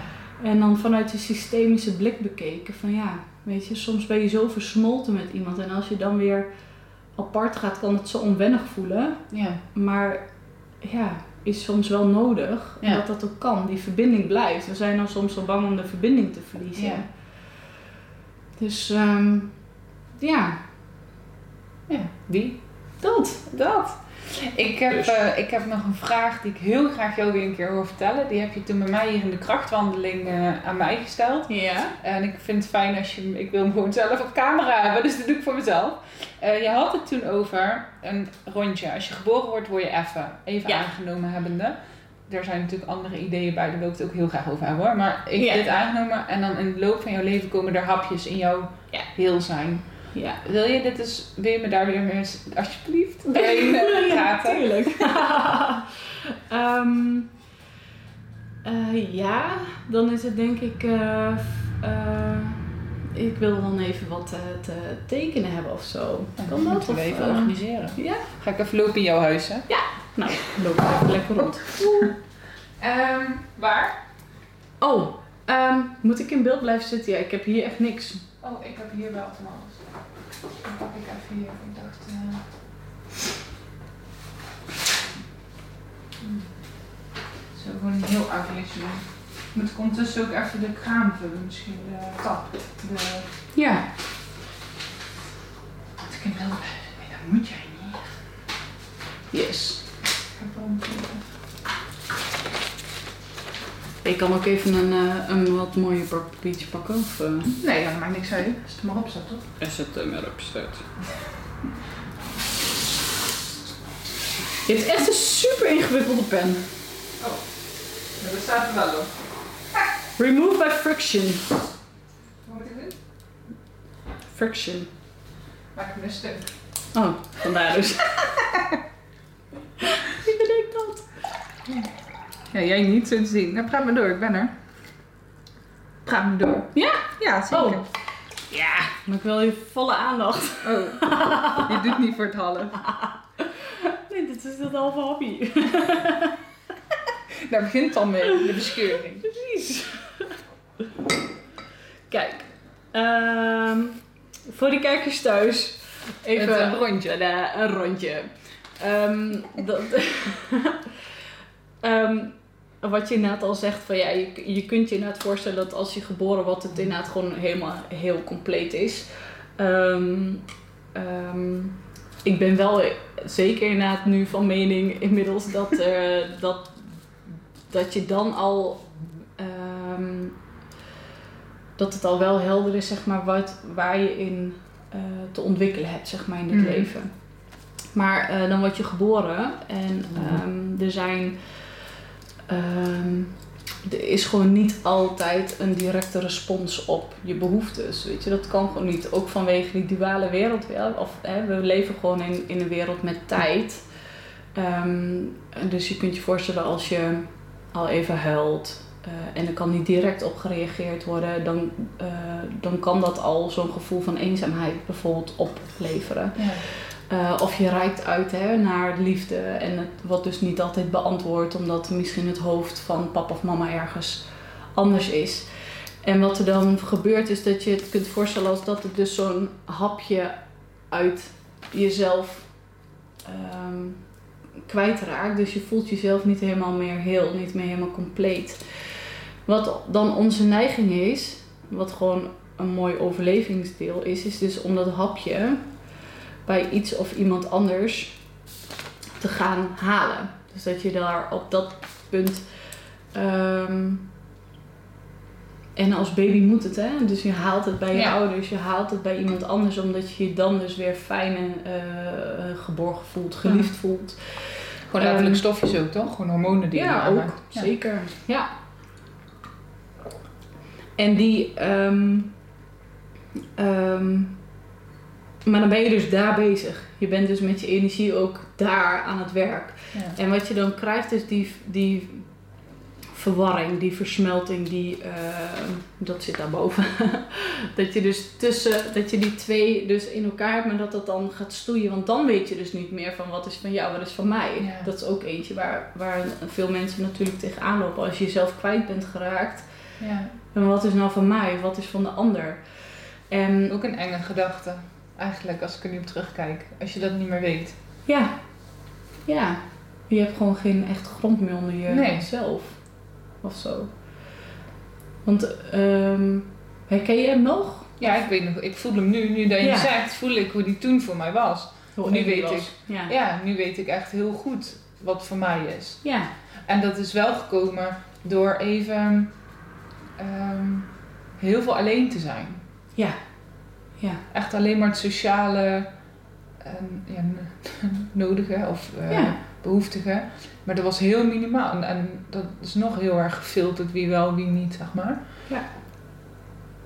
Ja. Eigenlijk alleen nog maar gewoon toffe mensen. Dat is echt wel een, eh, Ja. een must gewoon. Ja. Omring je met poep en je wordt poep, weet je? Ja. Absoluut. En dat, dat, maar daar zit dus de verwarring in, omdat je zo bent samengesmolten ooit vanuit die behoefte om er te mogen zijn, dat je jezelf weer heel voelt. Dus je krijgt extern de waardering en je krijgt extern de invulling van dat goede, goede gevoel in jezelf. Van hé, hey, maar dan mag ik er wel zijn. Ja. Ehm, hè, ik ken hem bijvoorbeeld zelf dus, hè, dat kennis zo belangrijk was of, of ehm, eh, eh, waardering er ook in zat. Want hè, kennis is dat, dus, dus ja, wat, wat je strategie, kennis vergaren. Want dan Ja. voel je jezelf heel en, ja. en compleet. Maar dat is maar voor korte duur. Ja, dat echt heel snel weg. Ja, je voelt het inderdaad al. Ja. Het is van korte duur en je kunt hem herkennen aan van, want als je het niet krijgt van de ander, als je het niet eh, ontvangt, voelt het dus ook alsof het niet klopt of alsof het Ja. stuk is of als het aan jou ligt. Maar zouden we hem ook eens met een eigenschap weer neer kunnen zetten? Dus dit, wat is dit bijvoorbeeld? Dat hapje. Is dat, ehm Maakt niet uit. Dat kan kennis? alles zijn. Of, ja, zelfvertrouwen is het dan. Jouw Ja. mate van zelfvertrouwen haal je weg op, aan de hand van Ja. hoe de ander jou waardeert, bijvoorbeeld. Ja, het, eh, weet je, eh, en die zit natuurlijk in allerlei vormen, hè, van eh, eh, welk, of je pas gewaardeerd wordt als je een bepaald lijf hebt, of als je een bepaald aantal likes hebt, of als je een bepaald eh, ehm, hè, bedrijf hebt neergezet, bijvoorbeeld, Ehm, of je de hoogste klasse sowieso hebt gelopen met je hond.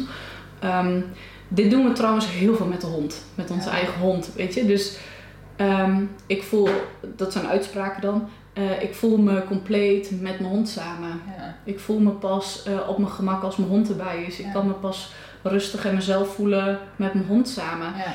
En de grap is dat eh, die hond die helpt je erbij, maar het is het gevoel wat in Ja. jouzelf zit. Ja.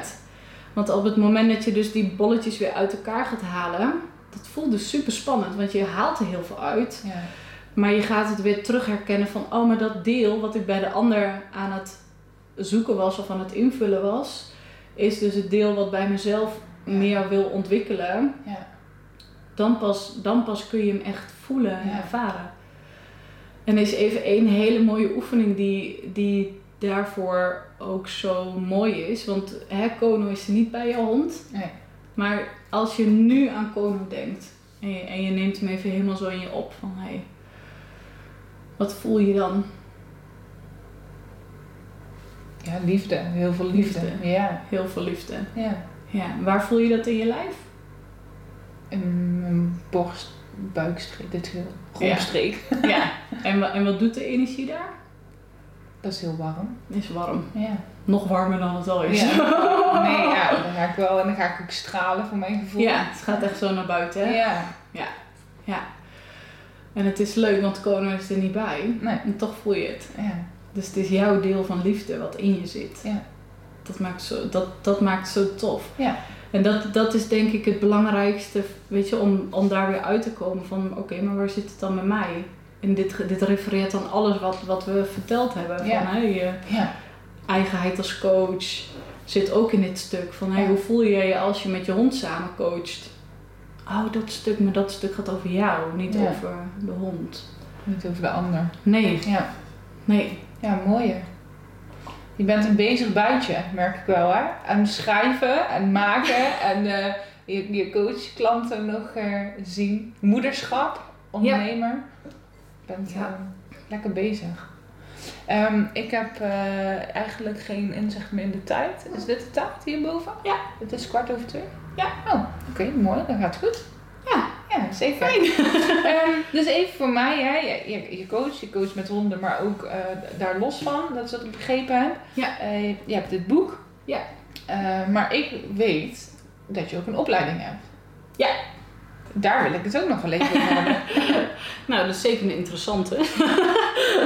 Want het is inderdaad mooi wat je zegt, je bent een bezig bijtje. En ik merk wel dat moederschap brengt me heel veel in ehm, eh, contact weer met wat ik echt, echt, echt belangrijk vind.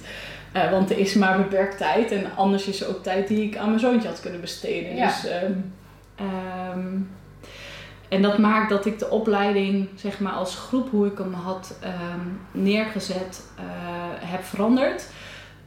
Dat ik hem individueel echt geef. Dus het is een coachopleiding, helemaal een individueel maatwerk. En het verschil zit hem erin dat ik ehm, zeg maar veel opleiding gaat vanuit kennis. En vanuit daar ga je ervaring op doen en ehm, eh, leer je. Ik wil hem juist vanuit het ervaren en vanuit daar wordt de kennis toegevoegd, zodat je het kunt vastpakken en zelf met je eigen klanten kunt ehm, inzetten. En Ja. dat, dat, gaat diep. Daar is best wel wat moed voor nodig om. Ja. eh, gaat heel erg de diepte in, dus over jezelf. Van hé, hey, waar kom jij nou in terecht? In welk stuk? Hè? Dus Ja. waar ken je dit, die verbinding zelf of die versmelting, de verwarring ook? Eh, zeker als je het coachvak instapt, is dat waar je in terecht komt, want dat is inherent aan elkaar. Ja. Anders ga je niet anderen helpen met hun shit. Nee. Dat is eh, best raar dat we dat doen. ja, heel bijzonder. Ja, en eh, vanuit hè, hoe vrijer je zelf, jezelf voelt met jezelf, hoe, hoe meer je dat ook aan je klanten kunt doorgeven. En het wil absoluut niet zeggen dat je dus een, eh, een guru hoeft te worden of dat je je leven perfect in orde hoeft te hebben. Weet je, daar geloof ik ook absoluut niet in. Nee. Het blijven gewoon supermenselijk. Ja. Dus het is een soort ehm, oké coaching, dat Ja. alles echt oké is. En ehm, Oké, coaching is wel een leuke naam, maar Ja. jullie. oké coaching. Oké. Ja. Maar eh, je had wel al een groep gestart, toch? Meende Mhm. ik eh, voorbij eh, gevlogen te zien hebben. Ja, maar die zijn individueel door. Oké. Ja, want dan kan ik Daar heb je nog... gewoon die switch ook meegemaakt Ja. om in te vullen. Nou, Ja. dapper. Ja, dat is ook dat was ook zo'n... Oké. Oh, dit, dit stuk wist ik niet. Ik dacht dat je die groep nog liet lopen en dan vanaf nu dan individueel. Nee. Dus je hebt in die groep uitgesproken, ik ga één op één met je. Ja. Nou, Ja, dapper hè? Dat Daar kunnen eh, mensen nog van leren om dan zoiets los te laten en eh, weer aan te pakken zoals het wel voor je klopt. ja. En dat, dat, dat, dat vond ik zo mooi om te ervaren van als je maar dicht bij jezelf blijft, hoe eng het dus ook echt is. En ehm, mensen kunnen soms zo verbaasd zijn dat ik zelf ook nog dingen spannend vind of eh, me oncomfortabel voel of eh, ehm, nou ja, gewoon heel menselijk ben. Dat Ja. ik denk, ja maar dat, dat is het. Weet je? Ja. Ik doe niks met twee vingers in mijn neus of Ja. dit is het leven. Ja. En het is een mooie ontdekkingsreis. Maar het vergt ook inderdaad wat moed om jezelf aan te kijken met... hé, hey, wat gebeurt er nou hier? Waarom, wat gebeurt en hoe kan ik het zo inrichten dat het weer, weer meer kloppend voelt? En dat gaat echt over die ervaring. Als, weet je, die, ik merk gewoon die ervaring vind ik echt het allerbelangrijkste. Ja. Want met alleen kennis kom je een heel eind. Maar als je niet kunt voelen of niet kunt koppelen aan, aan ehm, weet je, echte ervaring, dan, dan Ja. verdwijnt het zo. Of dan ja. komt het niet zo uit Ja, je moet het dus ervaren en dan eigenlijk terug kunnen reproduceren je Janneke taal, mij altijd geleerd. En dan pas heb je hem. Ja. Dan pas, eh, en dat is nog een hele moeilijke, want niet iedereen is communicatief vaardig. En niet iedereen kan zo goed voelen. Ehm, om dan je gevoel in woorden te Mhm. leggen, dat is natuurlijk al een gave aan Ja. zich. Ja. Ja. En, want je hebt het over ervaring en beleving op de opleiding. Maar ik kan me voorstellen dat mensen ook denken, nou, dit is echt te gaaf, ik wil die opleiding doen. Zou je nog wat concretere, ja, iets meer praktisch of ja, nog Ja. kunnen geven voor mensen? Wat gaan ze leren? Wat kunnen ze daarna? Nou, er is een. ehm, ik denk dat het vooral is, eh, eh, als je kijkt even naar de luisteraars, zijn het voor de mensen die met de mens willen werken. Dus die merken van hé, hey, de, dieren zijn super tof. Ehm, maar ik wil zo graag net meer de diepte in kunnen. Of nee, eigenlijk niet net meer, maar gewoon vol de, vol de diepte in kunnen met de mens. Omdat ik merk dat daar iets zit in weerstand of in oud zeer. Of ehm, iemand bevrijden van schuldgevoel bijvoorbeeld in het contact met zijn dier. Ja, Ehm, dan je leert dus om samen af te reizen van hé, waar gaat het dan over? Dus het gaat over vroegkindelijk traumastukken, over Ja. hè, die systemische stukken, over ehm, hoe, hoe doe je dat dan? Hoe kun je daar met iemand eh, in alle liefde en alle mildheid naar kijken? ja, Zonder dat het dus eh, dat, dat duale, hè, dat goed fout wordt, want Ja. dat is het nooit. Dus, ehm, en heel praktisch gaat dat dus over dat je eh, samen met mij een aantal sessies aan het begin intensiever. En dan ehm, online een heel, eh, zeg maar, de kennisbank hebt. Dus die, die staat gewoon vrij in te zien, zeg maar. En, ehm, maar in de sessies ga je zelf op ontdekkingsreis uit, omdat je vanuit daar kun je weer iemand meenemen. ja. Ja, tof. Ja. Ja, ik... eh Dat ja, dat ook. Maar ik zie ook leuk. echt voor me eh, juist die mensen die voelen in het coaching, ook met honden, hè, de hondencoach professional, die daarin voelen. Mm, mm, Ja. voor juist voor hun, omdat jij dat zo goed, dat, die microsignalen kom je dan eigenlijk op terug, Ja. om die te gaan eh, Ja. ja, pakken. Ja. Dus voor al die mensen. Du- du- du. En again. Nee, maar ja, dat is gewoon. Nee, maar dat is natuurlijk wel echt super eh, nodig. Want ik zie daarin ook wel bijzondere dingen gebeuren eh, op hondentraining en hondencoachingland. Eh overbelasting. eh, en echt niet iedereen, maar daar zou wel meer bewustwording in mogen. Ja. En ook zeker het stukje kan, het, het zit gewoon ook in jou. En zie die hond heel oneerbiedig als een tool. Die je mag pakken, maar niet hoeft te Ja. En die hoeft zeker niet. Nee. En het is eh, zelfs nog eh, anders kom je namelijk weer op het stukje dat die dat zelfs je coachie zich verbindt aan je hond Ja. en denkt dat hij het dus zo goed kan dankzij je hond. Ja. dat zou jammer zijn, want dan raakt het weer Ja, de eigen kracht verstrengeld. kwijt. Ja. Raakt het inderdaad weer verstrengeld. Ja. Dus dat vind ik wel. ehm, Nou, Milo gaat ondertussen de kabels opeten. Ja, hij zegt Oh. het is klaar. Ja. Laat de camera staan. ja. Oké, ehm, dan heb ik eigenlijk nog een laatste vraag eh, voor jou. Ehm, en dat is eigenlijk, wie vind jij nou echt inspirerende mensen? Of wie hebben jou op jouw pad hebben geïnspireerd? mij op mijn pad geholpen. Ja, Ehm, eh, ja, echt zoveel. En dan ben ik, denk ik, oh ja, als ik dan iemand niet ga noemen, dan. nee, maar ja, als mensen het wel heel leuk vinden en ze willen wat meer achtergrond horen. Eh, ik ben bijvoorbeeld zo via Ja. jou bij eh, Vera Helleman ja, precies. terechtgekomen. Ja. Heb ik haar boek gekocht, heb ik er heel veel van geleerd. Nou, Ik die bedoel, absoluut. Ja. Zo bedoel ik meer. Van welke Ja. mensen vind jij nou inspirerend voor wellicht een keer in mijn podcast? Maar ook zeker voor de luisteraar om wat meer informatie over te zoeken. Ja, nou, Vera Helleman zou ik absoluut zeker voor de emoties ook eh, gaan ontdekken. Nee, het systemisch werk. ehm, er zitten hele mooie verdiepingen in. Eduard Dekkers die geeft daar ook eh, de verdieping Komt eh, in de natuurlijk podcast. in. Tadaa. Eh, nou, iedereen die jij in de podcast hebt, dus luister deze podcast gewoon voor de rest. Ja. Allemaal leuke mensen. Hey, het zijn wel even aangehaald dan. Maar bijvoorbeeld op die meditatieretreat Ja. zitten daar nog inspirerende... Eh, eh, ja, de meditatievorm is van Bob Moore. Eh, hij heeft het dus ook echt op een hele speciale manier. En, Judith van der Leyen is eh, mijn meditatiejuf dan die het, eh, die het doorgeeft van zijn leer. Ehm, dus dat is zeker interessant. Ehm, en, en eigenlijk zou ik zeggen heel erg het lijfgericht werken. Dus ik ben nu eh Bessel van de Kolk is van, van Traumasporen. Het boek is echt een absolute aanrader. Eh Licia Sky heb ik de workshop laatst gevolgd. Gaat heel erg over via het lijf dus trauma's kunnen verwerken. Ehm, en het gaat dus niet om trauma's van hè, echt van die grote trauma's wat wij vaak denken bij het woord trauma, maar Ja. juist van die, hè, wel, zoals we hier met die bolletjes van hey, er is misschien een uitreiking geweest en dat werd niet beantwoord, dus heb je een strategie ontwikkeld. Die zijn veel kleiner. Trauma veel. klinkt heel groot. Ja, veel Ze zijn veel kleiner. genuanceerder. Ja. En vaak voel je ze alleen maar in je lijf in plaats van dat je weet wat het is. Want het Ja. gaat gewoon over cellulair, eh, op het cellulair niveau. Ja. En, ehm, en dat, is, eh, dat is echt alleen maar via het lijf te, te, Ja. te pakken.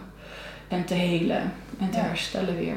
En dat gaat mentaal gewoon niet, Nee. niet lukken. Dus, nee, dus eh, het lijfgericht werken zou ik absoluut ook aanraden om eh, te integreren binnen je En dan zeg je live, live in de zin van... Life, het lichaam, lichaamsgericht Ja, werken.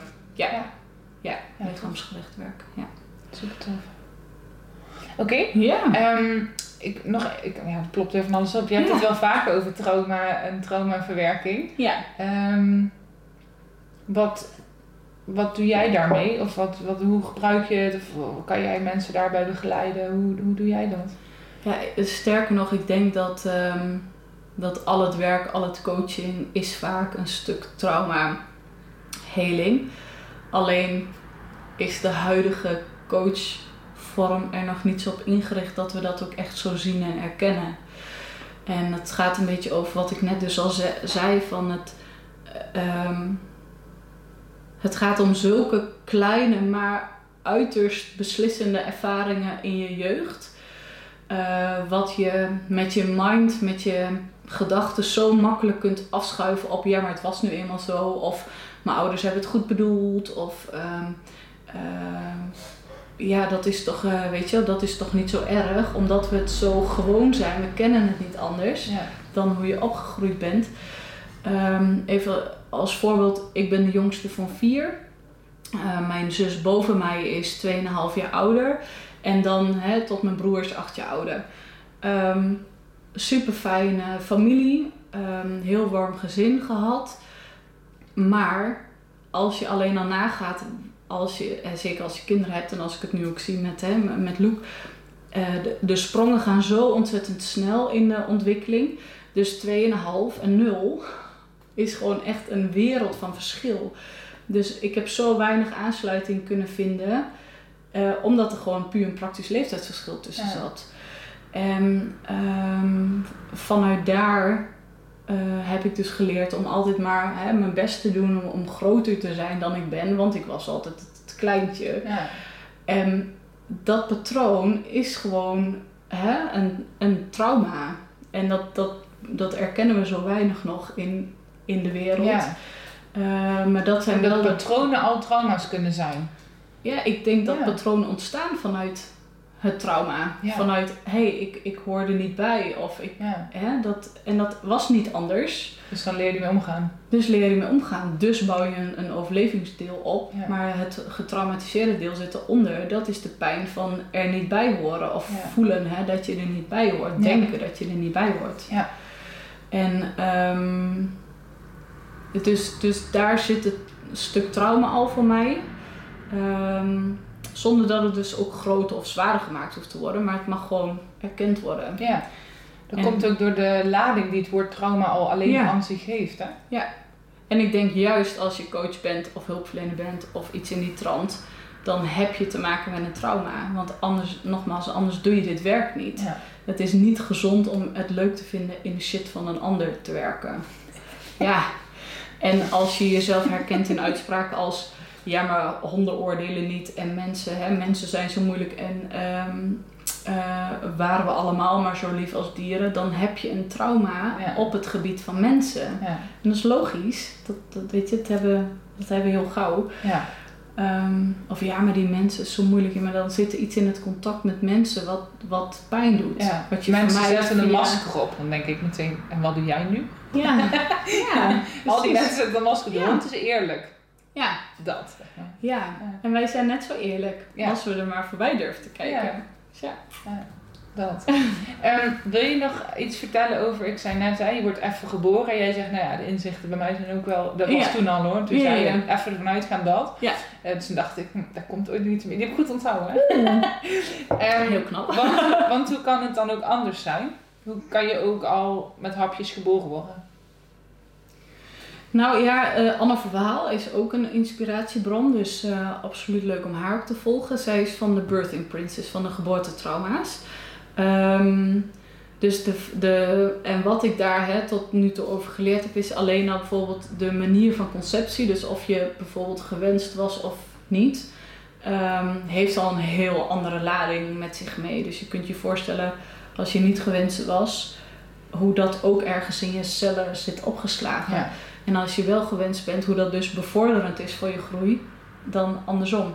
Ja. Eh, maar ook de manier van geboren worden. Eh, nou, als ik dus refereer aan Loek weer, dan, dan kan het en traumatisch zijn in fysieke zin, zeg maar, maar ondertussen energetisch zo prima. Ja. Maar het kan natuurlijk ook andersom zijn geweest. Fysiek Ja. misschien prima, maar emotioneel een afwezige vader of moeder gehad Ja. hebben. Dat, daar zitten ook zoveel imprints al in. Weet je, als je naar dieren kijkt, we weten allemaal dat honden die eh, uit een agressieve moeder geboren worden, ook zelf grote kans hebben om agressie te ontwikkelen. Of dat Ja. het zelfs dus in het DNA wordt doorgegeven. Dat is bij mensen niet anders. Ja, ja dat, die, die link is natuurlijk heel klein. Ja, Ja. ja. Dan kom je een beetje ook op de omgeving of erfelijke stuk, hè? Dat sluimert daar weer zo Ja. doorheen. Ja. Ja. Ja, het hangt allemaal echt samen. En dat, dat maakt het gewoon fantastisch fascinerend. ja. Als je met open ogen durft te kijken, dan, eh, dan Ja. zeker. Ja, zeker. ja, absoluut. Waar kunnen mensen jou eh, de komende tijd treffen, vinden? zien, ontmoeten, ontdekken? Heb je iets op de agenda? Of... Um, afhankelijk van wanneer jij dit klaar hebt. maar ik heb regelmatig leuke uh, bijeenkomsten, avonden, laagdrempelig of middagen. Dus 12 juli is uh, de film In Utero. Dus dat is over dat geboorteproces. Ja. Dus je bent ook zeker welkom. Ja. Um, die zit trouwens al bijna vol. Dus alleen, sorry, alleen zij mag komen.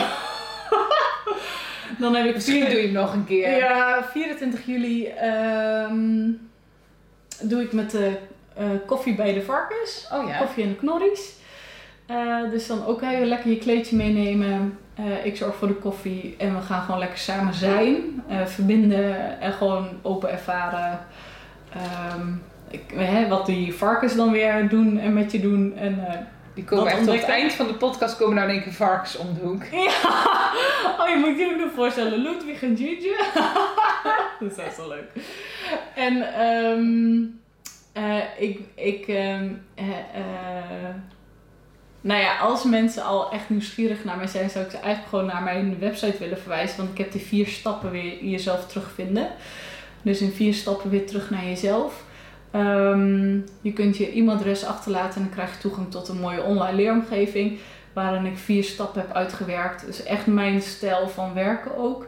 Dus dan kun je ook al proeven aan hoe dat gaat. Maar ook echt mooie oefeningen om echt alweer met eye-openers te ontdekken van... Oh, dit ben ik dus ook nog meer. En ja. dit, dit, dit heb ik dus in mij. En dit helpt mij om mezelf weer, weer dichter bij mezelf terug te komen. Ja. Dus die, uh, en die is onbeperkt, dus die is niet vast aan data. Ja. Dus dat is misschien ook handig. Ja, zeker. Ja. Ik zet sowieso jouw uh, website. Uh, wat is je website?